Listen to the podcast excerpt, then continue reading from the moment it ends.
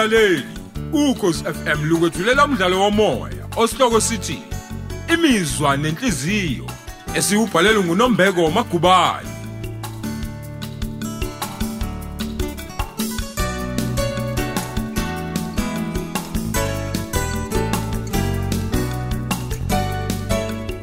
Nasi isiqebu sethu samashumi amabili nane.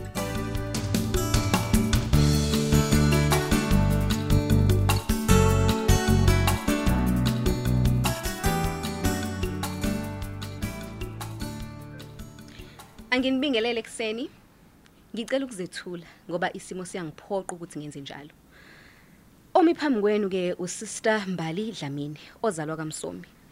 Kuyintokozo ke kumina ukuba ingxenye yabasebenzi balomtholampilo. Ngiyazi ke ukuthi iningi leni besenizwile ngami, kodwa ngiyafisa nje ukuzethula ngokusemthethweni. Umnyango wezempilo ungijubile la kulomtholampilo ukube ngibe yiso. Kanti futhi ngiyabonga ukuthi ningamukele nje ngiyesasasa. Mangisho ke ngikubeke kucaca ukuthi hayi mina ngisiya umuntu olanda kade. Kodwa ngiyafisa ukugcizelela ukubaleka komsebenzi wethu. Sonke la siyazi ukuthi ziningi inhlobo zomsebenzi, kodwa sithina sakhetha ukuba abahlengi bezimpilo. Yingakho ke sibizwa ngabahlengi nabahlengikazi. Abanye bethu lana bangodokotela ngoba balapho konakele emzimbeni. Hayi ke angizimisele la ngokuma isikhathi eside ngixoxe ngixoxe ngemdanti engabalekile kodwa nje ngifisa ukusho ukuthi lo mkhakha lo esikubona udinga abantu abakhuthele futhi abazinikelayo.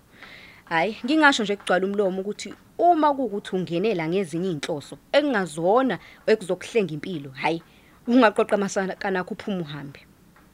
Ngiyabonga. Sasingabuyela ke emagumbini ethu okusebenza kwazise phela neziguli zilindile.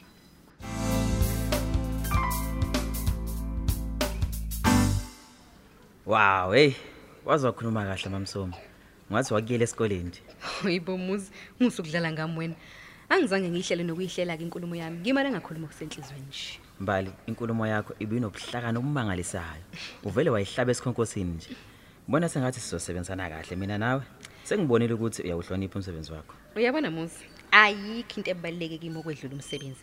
Ingakho nje umuntu oyivila, hayi bandla, uthwala kanzima kumina ngoba ngikwazi nokumbekezelela nje. Cha, kuhle kwenza mbali. Ngikubona ezisuka nje ukuthi awudlali. Cha, angidlala kwangempela futhi. Kwaziseke angisiye vele wakamadlala mina. Awu, yajika indaba yabhenga kimi manje. Yini sengathi ufisa ukubona ukuba wakithi wena? Wey, Ungakhuluma sibone phela ukuthi senze njani Metron madlala. maye. Hayi ke ngilunge ngumatron Dlamini nje. Cha, ngiyezwa Metron Dlamini. Hayi ake ngikuyeke ngoba usasanganise uDlamini wakho lo umfihlela italent. Ngiyokwenza ngawe uma usulungele ukuba umetron wami. Sesiyovuka ekseni semnyangweni wezasekhaya. Waze wazikhohlisa bo. Engabe umamkhulu uyokuvumela yini ukuthi uthathe isithembu? Hayibo, umamkhulu muphi yena? Hayibo muzi, ungangitshela ukuthi awuganiwe wena. Awulutho mamsomi. Inkinga nje ukuthi ngalahlekelwa ubambo lwami. Ah, ubakithi kwakubi. Lwadlule emhlabeni. Cha lutho luphila saka ikhona nje ukuthi ah lathathwa abanye. Ah, ubakithi kwaze kwabhlungu ukuzwa lokho muzi. Hawu, manje pho awusalitholi ngani ikolunye. Phela wena ngakugcina uyisoka lamanyala. Inga yami leyo ke. Ubusoka baphela ngesikhathi unyamana lobambo lwami. Kodwa ke ikusasa laziwa mbali. Kanti abaze kangcono bathi akulahlambele kwangakufela. Hey, lisho liphindeke lelo. Mhlawumbe uzothuka usuhlangana nalo khona khona la. Hawu. Uzibonile kodwa intokazi ukuthi zinhle kanjani. Awu noma ngaba wela ngaphuma sikothe, angiyifuni. Ngifuna ubambo lwami mina. Oh, bakithi. Hayi ke, uma kunjalo ngikufisela inhlanhla phela emkhankasweni wakho. Sengathi nalaba balithatha bengathambisa inhliziyo bakubuyisele lona. Cha, ngiyabonga mamsomo. Kodwa ngakuhle nawe ungilekelele phela. Ake ngiyoqala umsebenzi wosuku. Kubeka sengathi usister Goba usemingam ngali. Sesiyobonana ngolwesithathu olizayo uma ngiqeda neguli usem- usematasa. Kulungile muzi, uhambe kahle. Ngifuna ukuthi ngi- ngifunde nje nami. Ngiqale ke ngiphendule nalama emails ayinqwaba engiwabone kwi-inbox yami. Eh, kulungile mbali.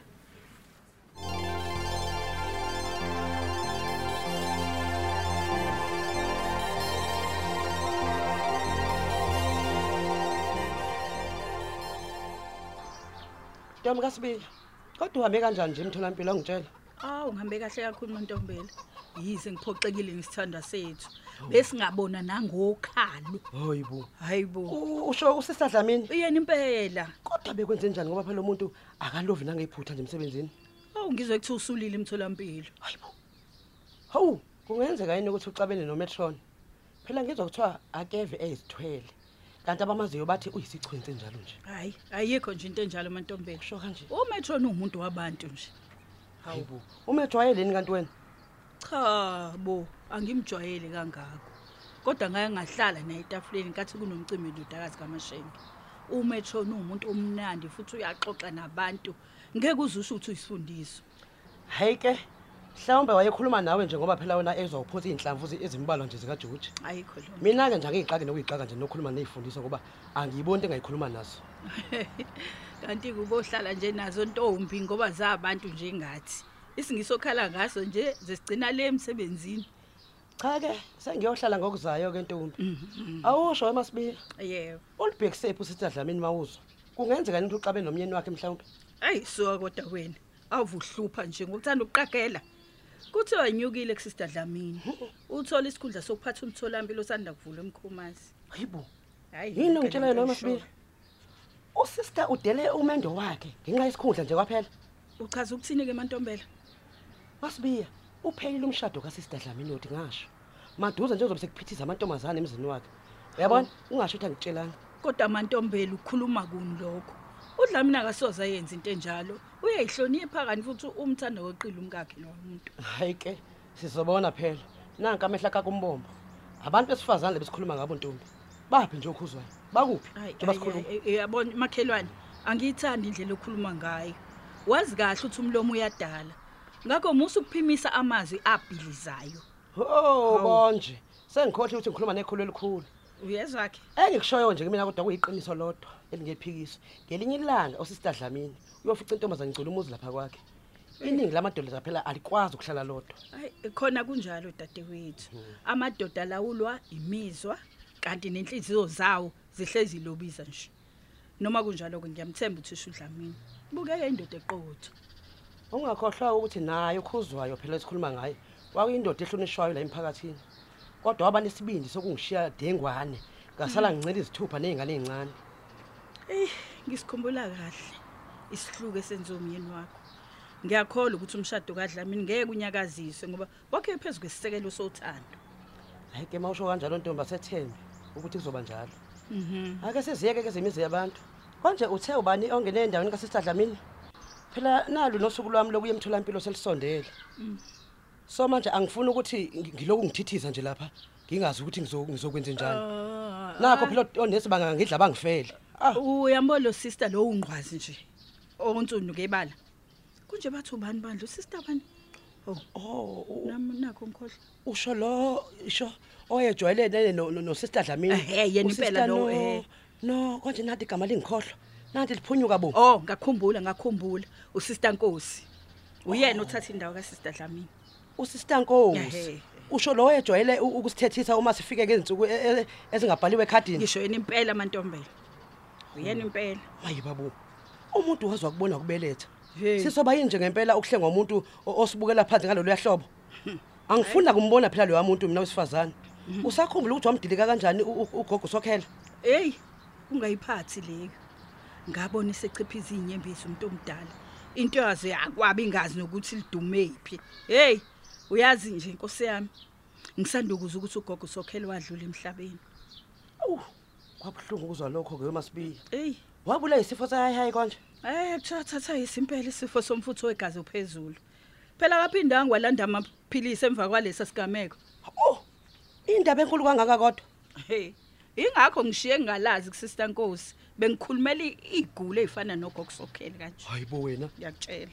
kahle bo nitholele phezulu Ehhe. ubese qala ukwedelela yini Hey, sisuka nje hey, uyazi ukuthi phela mina ngilala endleleni makhelwane. Unele wasazisa nje ukuthi uyo ozosebenza ngosuku lwekliniki ngahlala ithonto kuyena. Angindanga ngisho ukuthi azakugadla iqala. awu Hawu, kodwa bani? nawe masibiya kanti unjani nje wena Hobe. uvele wamsukela njengenzeli ukuthi umntana abantu Uthini uMantombela? Ubufuna ngilini namathonsi abanzi? He. Ngikhuza ibhadi ngenkathi eyithula. Ngabalisa ngokuhamba kaSister obesiphethe kahle ngabalisa ngabalisa ngabalisa. hayi ke ungehlule singalwanga ntombi awusho ke wenze njani njena usister ngenkathi umdilika ke awungitshele Oh, uvele wabuna kwemfini ebhodweni. wakuxolisa waziwacisha uguqa ngamadolo uyazi uze wethembisa ukuthi wonke amanesi azosiphatha kahle ubungambona ubungathi ayiyena okusho ukuthi ke ngeke aphinde adelele lamanisi cha usebenzile makhelwane. Hawu. kumele phela sikh- si- si- sikukhethe ube yikhansela e- e- e- lewadi yethu. Abe. ngoba hayi cha uyakwazi ukubhekelela umphakathi. Hayibo ungangifake Inkosi endabeni zepolitiki mina mantombela? Angifuni nje ukufa ngishiya umzukulu wami. Hayi ke phela nami bengimane ngiyintelela nje sontolo hayi cha indaba zepolitiki angizingenzi inhlobo hayibo. Usakhuluma ngomzukulu wakho ke usinenhlanhla ngitshela ukuthi bazoqala iklasi lantambama namuhla. Eh uqinisile kunjalo mantombela. Abazukulu bethu bayimisela ukufunda. Kumele sibaxhase ngezikhathi zonke. lapho kuqinisile makhelwane Ngempela. hayi ake ngiphuthume ngiyobeka imbiza usinenhlanhla uzobuya esikoleni engasaboni ngisho emehlweni ngenxa yendlala Hayi kulungile dadewethu. Mina ngizoke ngithi kuyohlangana namakhosikazi esidlala nayo istokfela. Oh hey masibiya kudela wena ntombi ozoba nemali kaKhisimusi Awu. Yeko kwami Khohlwa makhelwana ayikho imali ezothenga ibili bocu. Izosiza uNosipho uma esoqala inyuvesi ngonyaka ozayo.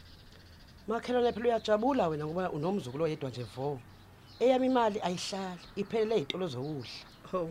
Nalapho nje usagcina umsebenzi wokuba umzali nje mantombela. Ungakhali makhelwane. Omdala wensuku uzoqamba amasu. masumani kodwa ngawaqamba uma phela mina ngikhuluma iqiniso nje angiboni ukuthi usinenhlanhla uzoya enyuvesi ngonyaka ozayo Hawu yini manje futhi uzoba ke nje yini? anginalo ngisho ithemba lokuthi uzothola umfundaze ngoba phela kakhaliphile nakukhaliphi ezifundweni zakhe njengonosipho Hayi mantombela ungasheshi ulahla ithemba ntombazane ikusasa laziwa. Hey, ukuthi akukho engithembele kukho Ntombi kaSotobe. Ungcono phela wena ngoba ungcobo wakushiya namadlana nje e- encane. Oy. Mina ngasala ngibambe udonga. Amalini Futhi? Nkosi yami. Okubonwa yimi. Hayi ngakubona ngakubeletha Ntombi ka- ka- kaSibiya. Ah ungakhali mantombela Nkosi. kobuye kulunge ntombazane. Hey, cha ngiyakuzwa dadewethu. Noma ngingazi nje ukuthi kuyobe kuyinini lapho mase kulunga. Hayi awusale so besibonane emakhelwane. Hayi uhambe kahle man.